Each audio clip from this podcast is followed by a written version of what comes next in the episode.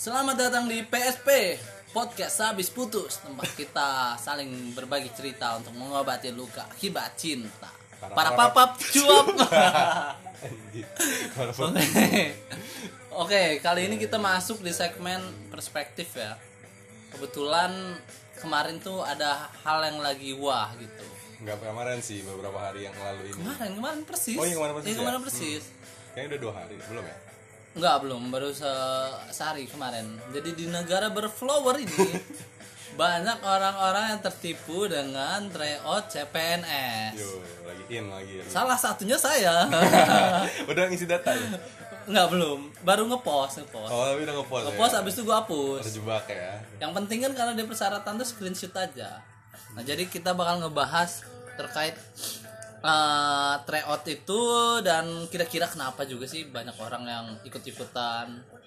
Kurang lebih kayak gitulah. Yo terkait pers- dan in- ini melihat perspektif Arafat gimana? Karena gue jujur ada Bareng dong, perspektif Bang, berbeda karena gue pelakunya juga kan. Oh iya, iya. ada Karena kor- di Twitter korban sebenarnya korban bukan pelaku korban. Iya korban. Di Twitter itu ini soalnya Fat. Gue kesel banget kita kita mulai ini dulu ya maksudnya gue kesel gitu. Karena di Twitter ada yang ngepost tuh gini katanya. Em, sarjana sarjananya apaan tuh? Kurang lebih gitu lah bahasa sarjana apaannya tuh?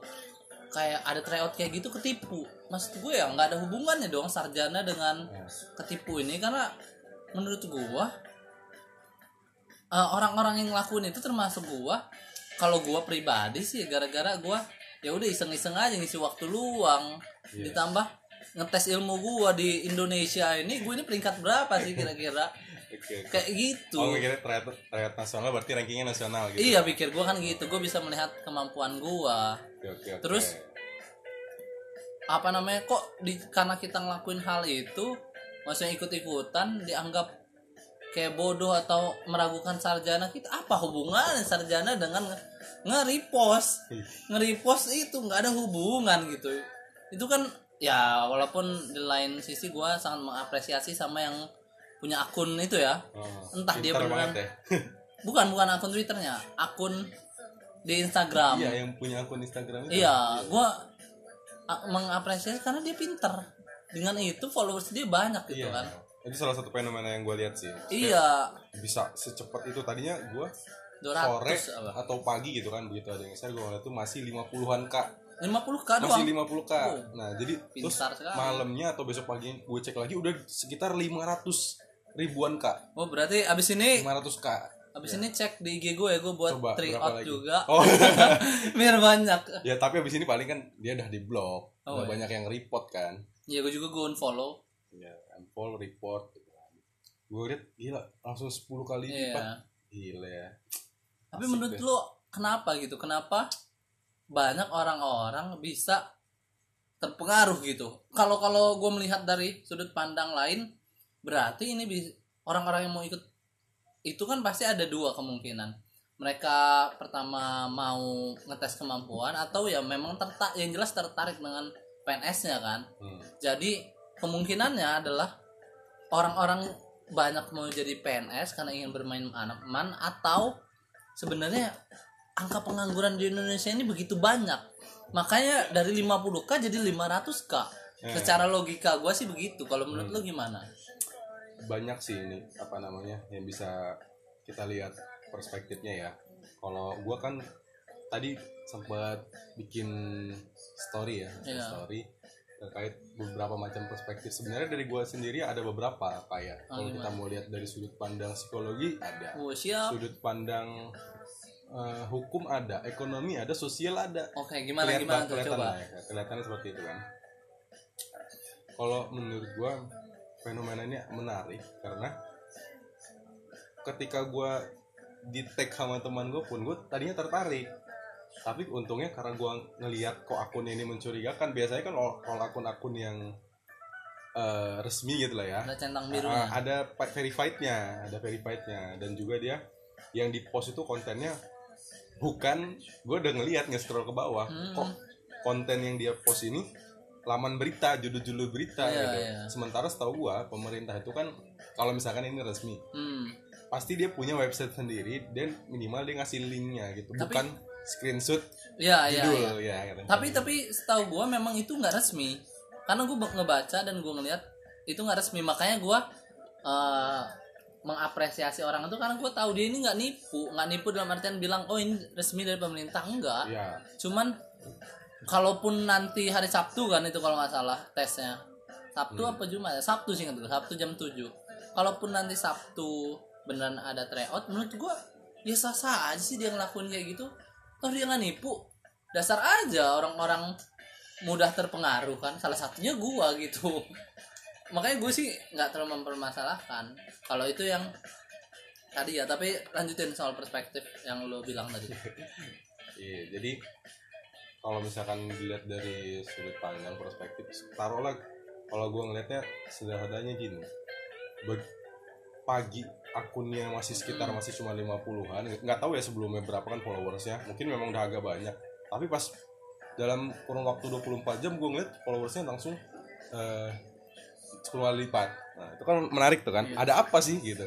Coba ada apa? Kenapa sih? nih ya, Nah, cara kenapa? Psikologis gimana sampai segitunya orang tertarik untuk ikut dalam kegiatan ini itu. Belum lagi kalau lo ngeliat komennya, komennya itu sekitar mungkin sekarang udah 600 ribu lebih. Kalau satu kolom komen itu kita taruhlah 100 ribu yang orang ngetek lima orang kan ada yang ngetek lima Ah. orang di komen kan.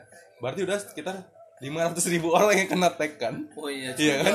Belum kalau lebih dari itu komennya.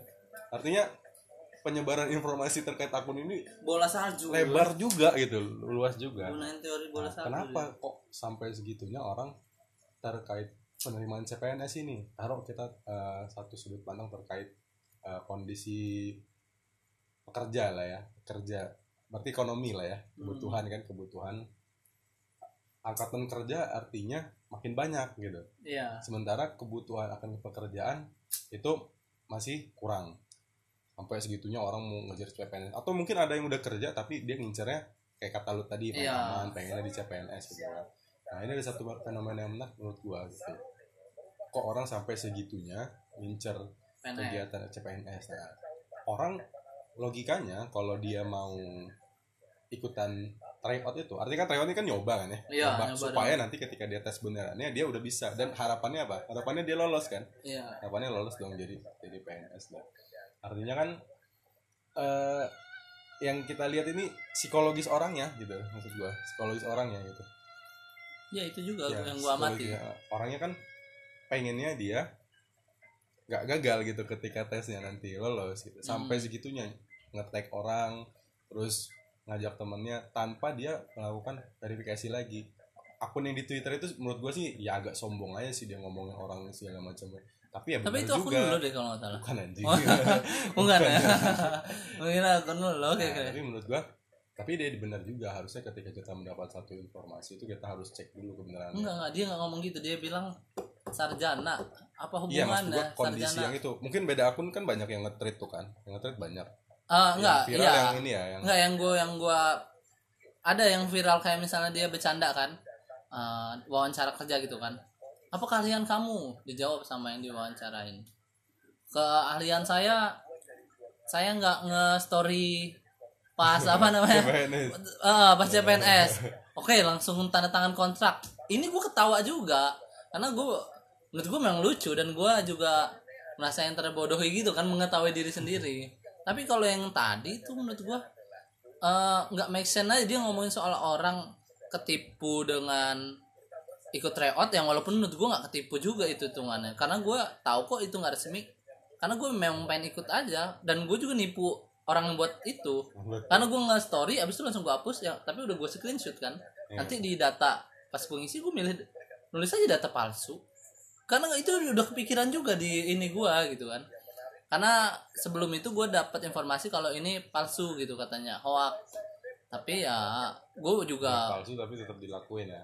Iya harus punya pemikiran ini lah orang menipu kita kita tipu balik kan gitu. Nah tapi maksud gue orang yang di twitter tadi itu nggak make sense omongannya dengan sarjana.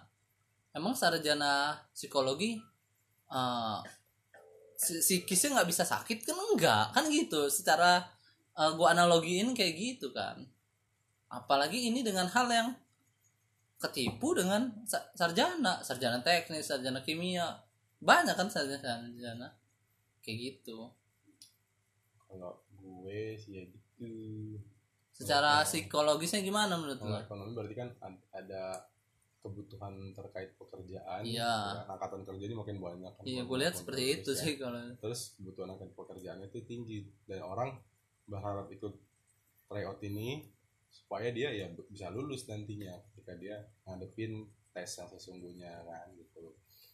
Eh, terus kalau dari sudut pandang kayak misalkan apa ya hukum lah misalkan. Itu sebenarnya orang yang bikin akun itu bisa aja menurut gua dijerat pakai pasal-pasal ya untuk kalau ada yang lapor ya misalkan karena dia masukin data dan kita nggak tahu penggunaan datanya itu untuk apa nanti kan ke depannya. Pada ya tapi pada awal pada awalnya kan orang setuju untuk ngasih data dia Iya. segala macam kan. Nggak bisa disalahin juga. Tapi nanti ketika data itu digunakan untuk apa nah itu harus dikonfirmasi lagi gitu menurut gue. Tapi lucu sih unik juga orang-orang. Tapi banyak yang ketipu ya? Iya gitu.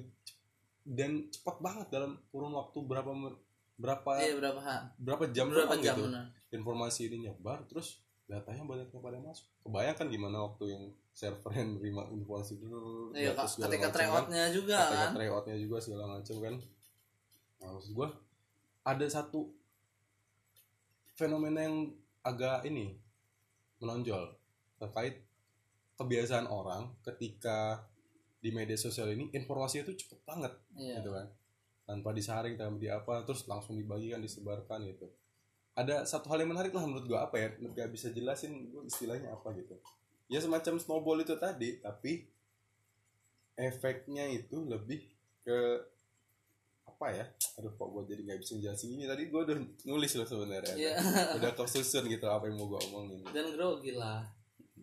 Tapi efeknya kayak ya kondisi apa berita-berita hoax segala macam tapi ini kan kondisi bapak modelnya adalah situs gitu ya akun Hmm. situs yang ngasih informasi kalau bakal ngelakuin tryout CPNS Nah, akhirnya ada konfirmasi kan dari BKN bahwa pemerintah melalui BKN nggak ngelakuin yang namanya tryout CPNS gitu. kalau dari segi sosialnya atau masyarakat tuh kan unik juga kita bisa ngelihat uniknya misalkan eh, dari segi apa ya? Kok gue jadi bingung? Tapi gini kalau gua eh gua nggak terlalu memikirkan dengan orang-orang yang ketipu itu ya maksudnya kayak gua misal gua ketipu atau gimana. Gue lebih fokus di betapa pintarnya orang yang buat akun ini. Menurut gua pintar kenapa? Eh pertama sekarang ini kan pusatnya data ya bisnis itu sekarang bisnis informasi bisnis data itu yang utama. Perusahaan-perusahaan besar kadang ya investasi besar-besaran ya cuma untuk ngedapatin data entah itu data konsumen atau apa gitu kan. Hmm, bahkan digunain untuk politik kan seperti di Amerika kan. Ya. di Amerika kan uh, Trump menang katanya salah satunya adalah keterlibatan Facebook jadi ketika di Facebook kayak diarah-arahin tuh ke Trump segala macam dilihat juga kan apa yang nggak suka segala macam nah orang yang buat ini menurut gue dia pinter. Pertama dia ngambil bisa ngambil data sebanyak or sebanyak itu tuh orang-orang yang ketipu. Yang kalau lu bilang awalnya 5k eh 5 50k ya? Kurang lebih segitu. 50k tiba-tiba jadi 500-an 500k betapa pinternya dia ngedapetin data itu dengan cara yang banyak itu yang pertama. Eh bukan dengan cara yang banyak maksudnya dengan cara yang simple dan cepat gitu. Iya. itu yang pertama. Yang dia kedua pintar ngelihat kon apa tren berita juga kan. Tren beritanya sekarang lagi ini ternyata eh kena gitu kan. Beritanya tentang CPNS nih bentar lagi infonya. Ngelihat kondisi masyarakat yang eh, CPNS itu ya kebutuhan akan pekerjaan gitu, ekonomi sosialnya segala macam eh kan kena beritanya kan. Hebat juga ya memang kalau kata gua ya mungkin salah satu efek berita tapi menurut gua dia ini mungkin orang psikologi gitu.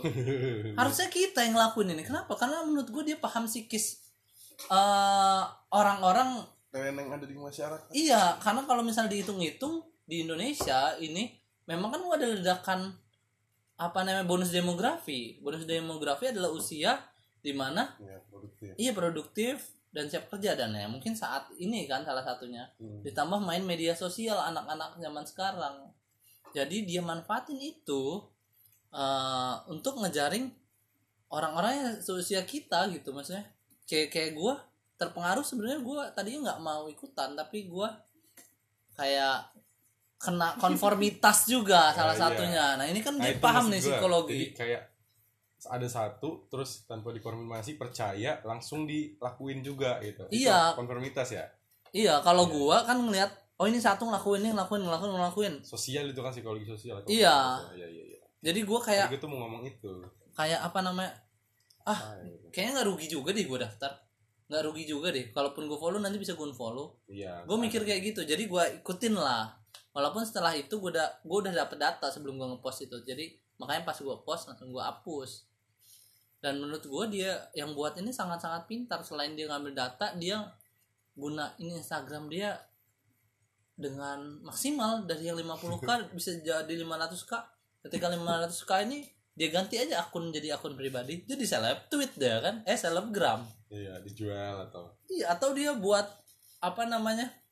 eh, endorse endorse dengan 500 k followers udah berapa gitu kan? Maksud gua gue sih lebih fokus ke hal-hal gitunya. Walaupun memang menarik ngelihat betapa banyaknya orang-orang yang ketipu gitu. Oh kena tipu. Tapi kayaknya emang orang Indonesia mudah ketipu ya? Karena sih. karena udah ada beberapa. yang ini aja. Sebenarnya udah pintar-pintar kok. Karena ya ini menurut gua ya itu tadi satu konformitas. Kayak ada, ada satu yang nyebar dan kelihatannya terpercaya langsung gitu langsung kayak oh iya nih oh teman gua aja ikut gitu segala macam. Ternyata temannya juga kena tipu kena kena kalau bahasa gua kena prank nasional ini. Udah tiga kali kan sama ini? Ah nggak tahu apa lagi. Karena sarumpet. Oh terus prank nasional anjir iya. yang kedua itu si siapa namanya? Chef Audrey. Nah, Audrey ya. Kan ini CPNS iya CPNS nasional prank tapi menarik. kayaknya memang orang orang kita deh ya. Mungkin ini emang kebudayaan kita kayak gitu karena orang kita ini kan ramah santun dan hal itu menyebabkan kita jadi mudah percaya si Jewu ya. kalau orang yang nggak ramah nggak santun itu kan ketika ada orang berperilaku baik atau kayak ngasih sesuatu kan mikir ini mau ngapain ngasih racun Ada- apa ya? mau minjem utang apa ini kan gitu kan ada niat apa nih Iya. Walaupun ini mungkin jauh sih dari apa pembahasan kita. Tapi yang paling menarik menurut gue ya secara psikisnya sih. Harusnya kena ya iya, harusnya kebanyakan orang maksud gue melihat fenomena ini sebagai peluang gitu. peluang buat Pertama ya, lu kalau mau bisnis dia udah banyak ngelakuin ini loh, apa namanya? Cara-caranya kayak snowball itu tadi. Ini tag 3 kan, tag 3, tag tag 3. lima tiga lima tiga gue tiga oh, iya. Yang ya pokoknya tag ya angka kesukaan Allah ganjil kan. Lu kan lima gue tiga. Aduh, aduh, aduh, menarik lucu. Jadi- makin orang banyak yang tahu kan banyak yang tahu ditambah mungkin dia juga baca berita bahwa pengangguran di Indonesia cukup tinggi. Dan tapi ngomongin pengangguran bukan berarti ini ngomong ngomongin pemerintahan atau apa ya ini nggak ada hubungan dengan politik Wah, ya. kita kena lagi Jadi kalau dari lu sendiri, pandangan lu untuk orang yang kena prank ini kayak gimana? nggak ada sih ya kebetulan aja karena gue tadi saya cuma pengen najolin sebenarnya dari sisi psikologinya aja yang tadi itu konformitas mungkin masih banyak yang lain yang bisa dijelasin sih secara kultural kebudayaan terus ya lebih umumnya lagi kondisi sosial di masyarakat sih kalau kata kan kehidupan itu karena bukan cuma sekedar kehidupan yang interaksi langsung tapi Iya. interaksi di dunia sosial tuh lebih luas dan lebih masif kan? Kalau Prabowo bilang kecurangan yang masif mungkin kalau kata gue kecurangannya itu ya di medsos bukan kecurangan langsung. Canda ya just kidding ya. Pendengar-pendengar yang takutnya ada yang fanatik nih pendengarannya. Bisa komen gak sih di podcast? Enggak, nggak bisa, nggak bisa. Tunggu aja. Bisa komen tapi di podcast gua gua taruh IG gua lu kena bully nanti tapi eh, menurut lo orang yang kena tipu ini wajar atau gimana Hah? Iya maksud gue orang yang ikut ikutannya wajar atau gimana menurut lo? Karena menurut gue sebenarnya yang ikut ikutan tuh sangat wajar loh. Banyak Iya, yang iya ikut ikut itu tuh udah dijelasin secara psikologis Iya. bukan wajar nggak wajar sih sebenarnya Karena itu kalau dijelasin secara psikologis berarti artinya ya memang sah aja kalau terjadi. Tapi kan kayak ada yang komen pertimbangan segala macam itu ya pendapat dia doang. Ya kalau wajar sih wajar terjadi gitu loh. Apa namanya kondisi sosialnya mendukung dan juga dia ngeliat peluang oke kena prank nasional mantap. Tapi kan kita nggak tahu kan dia belum dilakuin apa benar. Iya makanya nanti kita lihat lah kalau misalnya hari Sabtu beneran ada tryout ya dia nggak nipu menurut gua. Dan menurut gua orangnya sangat pintar itu kalau dilakuin tapi kalau juga misal- kan setahu gua ya memang ada sih yang buku-buku dijual terkait tryout CPNS Hmm. gitu kan. Ya itu mah akal-akalan iniannya aja lah ya Be- kebetulan BKN kayak ngasih konfirmasi. Ini kan soalnya soalnya kayak dilaksanakan oleh satu instansi gitu. Kan kayak satu instansi yang nyelenggarain.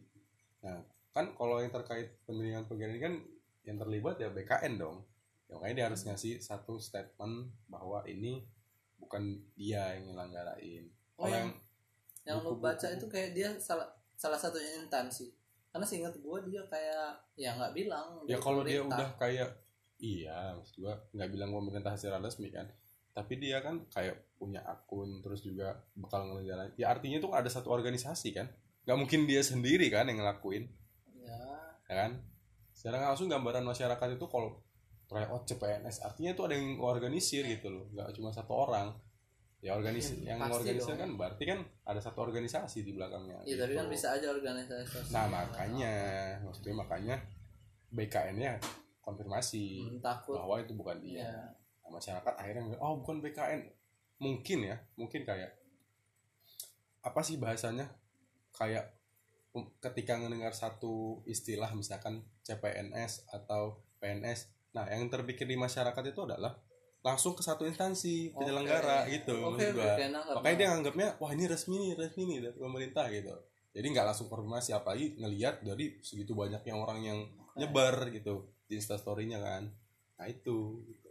jadi kayak konformitasnya itu disebabkan karena dia nggak-asosiasi eh ya namanya Ah, asosiasi dia ngasosiasiin ngasosiasiin satu kata pemerintah. misalkan CPNS oh berarti yang ngelasain adalah BKN gitu Tapi- tapi kalau kayak gitu menurut gua yang salah ya orang-orang yang mengasumsikan loh kenapa gue bilang gitu? Ya kan kata lu tadi orang konformitas nggak bisa disalahin karena wajar. Iya wajar. Ya nggak bisa disalahin. Maksud ah, enggak gini gini. Yang mau gua permasalahin dia kan ikut-ikutan. Menurut gua wajar. Tapi kan dia ikut-ikutan belum tentu dia nggak asumsiin kalau itu dari pemerintah. Kayak gua gue ikut-ikutan tapi menurut gue itu bukan dari pemerintah. Jadi menurut gue yang salah adalah orang-orang bukan salah sih mungkin menurut gue kurang tepat aja. Kenapa dia ngasumsiin tryout ini sama pemerintah? Karena kan kan ini asumsi gue juga. Iya berarti gue gua nggak sependapat dengan Iya, pandangan lo bukan berarti langsung bener kan asumsi gue Iya, gue gue nggak sependapat dengan pandangan lo karena gini, kalaupun bener pandangan lo kayak gitu karena menurut gue berarti orang itu salah. Kenapa dia mengasumsikan ke pemerintah. Nah masalahnya yang yang terjadi menurut gue banyak pasti yang begini. Kenapa? Karena ketika diomongin BKN nggak ngelakuin, orang-orang bilang wah tryoutnya hoak, ya hoak, hoak. soalnya bener-bener belum nggak bakal dilaksanain ya iya, seolah-olah itu udah hoak gitu. Kalau belum harus ya. ada hoak eh, gitu ya seolah-olah itu hoak dan jadi yang punya akun ini tersudutkan. Padahal kan maksud gue kalau dia ngelakuin ya dia bener dong dia nggak nipu dong dia nggak hoak dong. Jadi kenapa orang-orang maksud gue nggak asumsiin dan langsung kayak menilai pertama ini hoak terus yang ngelakuin itu membuat kesalahan. Itu sih yang gue sebenarnya agak-agak ngeganjel. Karena menurut gue orang-orang yang karena lo ngeliat gak sih di snapgram setelah banyak yang bilang ini hoak hoak terus banyak tuh yang ngepost ngepost wah gua nggak ngelakuin itu. Seolah-olah mereka langsung menjadi pintar Iya, kayak gitu. lebih dari yang lakuin iya itu. Gua gua ya, enggak kebiasaan itu. Jadi kayak gitu kan. Ngeganjelnya di situ sih doang. lu kayak udah paling pinter aja nih yang ngelakuin. Karena mungkin lu belum baca aja kan. Iya. Justru mereka yang ngelakuin kan lebih baca lebih up to date. Karena mereka tidak melakukan sebuah kesalahan mereka menganggap mereka benar. Iya padahal gitu. belum tentu iya maksud gua kayak- dalam satu hal itu aja dan iya menurut gua juga kalau bisa dilihat dari sudut pandang lain mereka yang ngelakuin itu karena mereka cepat dalam ngerespon informasi sehingga ketika dalam kecepatan respon itu mereka nggak ada pertimbangan lagi gitu. hmm. lebih up to date justru menurut gua kayak salah satu yang kayak belum sempet ikutan ikutan padahal sebelum karena ikutan belum, karena belum tahu kan belum dapat Iya, benar, bisa jadi. gitu. tau dia orang mau ikutan juga sebenarnya kan Iya. cuman nantilah berarti kalau dari menurut lu dari kasus ini dari fenomena yang terjadi kemarin nih harusnya bijaksananya kita itu mengambil sudut pandang bagaimana nih menurut lo gimana Oh, bijak. Oke, ini sudah malam ya jam berapa? wajar wajar. Nggak sudut pandang lo karena dari fenomena itu apa nih yang harusnya kita serap dibanding ngomongin hoak karena menurut gua belum tentu ini hoak atau enggak karena kan. Sabtu. Nah ini gue juga rada nggak suka dengan orang yang selalu ngomong hoak hoak. Padahal ada dua hal. Kebenaran yang belum terjadi itu bukan berarti hoak gitu. Satu itu. Satu eh kebenaran itu kan punya berbagai sisi. Sisi dari lo, sisi dari gua, sisi dari lingkungan. Ketika lo menganggap kebenaran itu nggak sesuai dengan sisi di lingkungan, terus bisa aja lo menganggap itu hoak. Kebanyakan orang yang kayak gitu juga lo. itu bukan kebenaran dong kalau dia hoax Gimana? ya lu salah salah kosa kata aja menurut Iya emang salah. Gue bukan- juga gue juga sadar salah.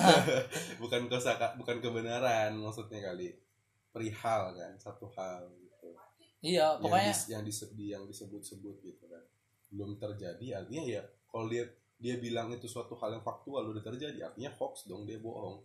Hoax kan berita bohong nggak sesuai dengan kondisi yang ada gitu loh. Misalkan orang bilang eh, ada kecelakaan korban jiwanya se- 100 orang. Itu fakta. Kalau karena dia gini nyebut jumlah. Iya. Nah, kalau dia nyebutnya dalam kondisi opini, dia cuma bilang eh ada satu kecelakaan menyebabkan korban jiwa dan masyarakat sekitar yang lebih yang banyak yang masih. Nah, dia nggak nyebut jumlah itu artinya opini. Dia nggak Oh. bisa nyebutin fakta. Salah satu model fakta itu kan dia nyebutin statistik itu kan dari sisi kebenaran Iya, yang iya, bisa diakui secara fakta kan kondisinya, waktunya, kapan, di mana dan berapa jumlahnya itu fakta. Kalau dia nyebutnya cuma sekedar asumsi aja itu opini. Nah, berarti kalau lo sebut tadi kebenaran yang menurut lo menurut gue itu bukan kebenaran artinya cuma asumsi pendapat. Kalau dia disebut asumsi yang udah ada fakta yang ada faktanya kan udah ada nilai statistiknya ada waktunya kejadian misalkan contoh itu berarti Hmm. namanya fakta gitu ada apa kebenaran boleh disebut kebenaran. Tapi kebanyakan kayak gitu loh kalau gue perhatiin. Kayak misalnya ya yang gue paling nggak suka itu ada sesuatu terus dianggap wah ini hoax nih. Kenapa kayak Galileo Galilei ya? Itu kan dulu dia bilang bumi itu uh, bulat kalau nggak salah salah nggak sih benar ya bumi bulat sih inget gue pokoknya intinya dia ngomong bumi bulat gereja menentang katanya ini nggak sesuai nih ajaran Iya. Akhirnya dibunuh dibunuh. Eh setelah beberapa tahun dibuktikan ternyata yang diomongin benar. Pada zaman itu kan dibilang itu hoax. Jadi maksud gua bisa aja kadang-kadang kita itu belum sampai aja ke kebenaran itu. Atau kayak misalnya gue bilang berarti ini bahasanya anak-anak filsafat banget gue ya? pacaran nih sama si A. Terus A lo hoax lo sekarang lo belum pacaran. apa nama istilahnya itu post priori ya? Apa sih? Iya itulah pokoknya ya. Gue gak mau terlalu banyak pikiran udah malam. Anjing. kan bisa aja ke depan ternyata gue pacaran. Itu bukan hoak kan bisa aja. Maksud gue jangan sedikit intinya gue mau ngomong jangan sedikit sedikit jangan hoak hoak itulah. Apalagi soal politik nih. Dikit dikit hoak dikit dikit hoak misalnya. Eh, kalau politik wajar lah dia ngomongnya iya sih cuman jadi nggak bagus.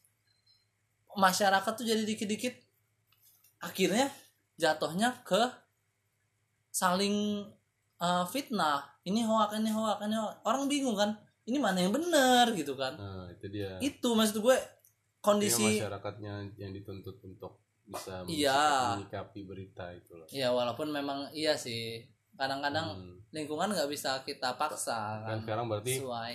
kalau sering terjadinya berita hoax gitu masyarakat artinya ntar lama-lama kan udah kebiasa oh dan diedukasi gitu loh masyarakat. Oh jangan langsung percaya ketika ada satu informasi yang walaupun kelihatannya eh, rame gitu ya lagi Mm-mm. in terus banyak yang ikut ikutan eh taunya kejeblas kejeblos juga gitu bareng-bareng.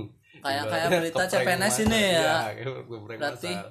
jadi kan apalagi sekarang udah tren masyarakatnya juga gua rasa udah pada pintar gitu. Sarjana apalagi yang mau ikut tes CPNS ini pasti sarjana dong. Enggak Apa? bisa SMA kayak ya itulah ya gener- generasi generasi ini yang sekarang lah yang milenial. Udah paham dan cakap informasi. Nah, harus lebih bijak nggak. sepakat. Gue gue sangat sepakat sama poin ini tapi gue mau nambahin satu poin. Tapi ketika hal-hal berbeda dengan lu atau kayak berita berita itu kan nongol. Terus BKN ngomong ini bukan dari kami. Maksud gue jangan langsung kayak dibilang oh ini hoax apalagi dia nggak bilang kalau itu resmi kan? Iya. atau langsung menghujat gitu kan yang punya akun ini segala macam gitu juga maksud gue dengan banyak berita-berita. ada ya yang kayak langsung menghujat gitu-gitu. Ya maksudnya kan banyak orang-orang yang langsung merasa suci gitu. Oh iya. tapi Kayak, kan yang yang saya tidak kan- melakukan tapi yang itu. disalahin bukan yang punya akun. Iya, Yang memang disalahin bukan. orang-orang yang ikutan kena prank yang Iya. jadi korban dia mungkin gue berpendapat kayak gini. tangga iya juga. Mungkin juga gue berpendapat kayak ini karena gue melakukan Korban. juga iya. Kesel jadi gue jadi dirasa bego ya. So pinter bener lu dalam hati gue dihujat bego ya. Jadi maksud gue ini jangan-jangan begitu juga kayak kayak di berita politik gitu kan. Yang cebong kampret apa yang diomongin kampret pasti cebong. bilang itu hoax ini salah. Padahal kan belum tentu bisa aja benar atau yang diomonginnya bagus gitu juga kampret ketika yang cebong ngomong jangan dibilang juga itu salah itu hoax maksud gua ya kalau bisa ini kan jangan selalu menilai langsung gitu. Lebih baik melihat positif positifnya kayak berita CPNS kemarin ini kan. Ada kan negatif negatifnya tapi coba lebih fokus ke hal-hal yang positif. Kayak betapa pintarnya orang yang buat akun ini gitu kan. Gimana secara psikologis orang-orang bisa terpengaruh secara hukum kayak gimana secara ekonomi kayak yang lo bilang tadi kan berarti ada sesuatu nih di perekonomian kita. Kenapa banyak angka angkatan kerja bisa ikut gitu? Atau melihat oh media sosial cepat bener ya informasi bisa ini. Berarti peluang bisnis sangat besar di sini. Nah kan gitu maksud gua. Lebih positif positif. Iya lebih asik ngomongin positif. Tapi tetap ngomongin negatif tapi iya dong. Dilihat dari sudut pandang. Iya. Oh, iya. jangan terlalu negatif negatif. benar. Kalau dari gua kayak gitu. Kalau dari lu gimana nih sebelum kita tutup? Ya itu sih dari gue kalau gue lihatnya kan tadi aspek yang konformitas terus asosiasi. Kalau gue sih ngerasanya kayak gitu. Karena dia mengasosiasikan sesuatu kata CPNS itu terkait dengan satu hal yang resmi gitu. jadinya percaya. Ada ada trust di situ. Nah setelah dia trust terus dia convert gitu ngelihat orang yang banyak dan dia ikut ikutan jadinya. Nah ikut ikutan itu nggak ber apa nggak cuman kayak gitu aja tapi beralasan gitu. Ya mungkin di- dilihat dari sudut pandang kebutuhan dia dia ingin kerja gitu kan. Dan inginnya CPNS siapa dong yang nggak mau jadi CPNS menjanjikan kan jadi pegawai negara gitu kan. Gajinya oke kehidupannya oke. Dilihat dari dilihat dari sudut pandang masyarakat juga kan PNS punya status yang cukup tinggi kan dilihatnya kan. Pastilah itu kan di berbagai daerah juga statusnya kayaknya wah CPNS nih gitu nah, agak gimana gitu kalau dari su- sudut pandang sosial masyarakat? Ya terus ya dari sudut pandang hukumnya ya hati-hati aja kalau orang yang ngebuat eh, viral-viral kayak gini lah ya. Biasanya langsung dilirik tuh sama-sama eh, poli- polisi ya. Kalau dia bener-bener ini ya bisa aja kalau ada yang bisa ngelaporin dicari orangnya siapa oh ternyata melakukan penipuan segala macam. Apalagi kalau ada korban nih. Karena sekarang kan Hmm. belum jatuh korban. Iya. nanti kalau datanya disalahgunakan gimana? Ada korban. Nah itu tuh ya bisa kan dilihat dari segi Hmm. hukumnya dia bisa dijerat ke orang. Ya itu aja sih dari segi-segi yang psikologisnya. Enak kan mempermainkan psikologis orang kalau dia tahu caranya. Bisa dimanfaatin kan. Sering dan kebutuhannya kenanya banyak banget gitu. Cakep juga itu untung nggak ikutan juga sih. Tapi gue nggak menyalahkan yang kena ikut-ikutan. Kebetulan karena gue orang yang nggak terlalu cepat ngerespon Oh, gua- lemot ya lemot bukan gua ketika ngeliat itu memang langsung ada feel curiga aja gitu ada perasaan curiga aja. Oh kok akunnya kayak gini ya? Pas gue buka sorenya lagi pun langsung brrr, meningkat gitu followersnya. Wah kata gue akun pemerintahnya nggak kayak gini banget signifikansinya gitu. Berarti pemerintah harus mencontoh. Nah iya itu bisa juga bisa jadi masukan. Salah iya kan dibanding akunnya gitu-gitu aja mending Bisa dia harus melihat- gini. berarti dia ngeliat, harus melihat satu kebutuhan. Tapi pemerintah ngadain kok tryout resmi itu ada. Iya tapi maksud gua harus gitu harus follow tag. Maksud gua ada syarat-syarat Oh, ada gini. ini ya. Iya benar-benar iya persedu apa? Ini masukan ya untuk bapak Jokowi tolong ya. Jauh banget lo kan kebaikannya dulu lah misalnya langsung Ya siapa tahu akun Pak Jokowi pengen tinggi jadi seleb makin jadi seleb kan. Jokowi followersnya 8 juta. Nggak perlu lagi dia Ya nggak apa-apa dong. Nanti kalau 15 juta ada yang giveaway kayak Atta. Oh, iya. boleh boleh giveaway mobil lagi Iyalah. Jangan sepeda terus, Pak. Udah bosen juga ditanya-tanya soal ikan, tanyain yang lain lah. iya apa kayak Soal mantan. Waduh. ah, itu.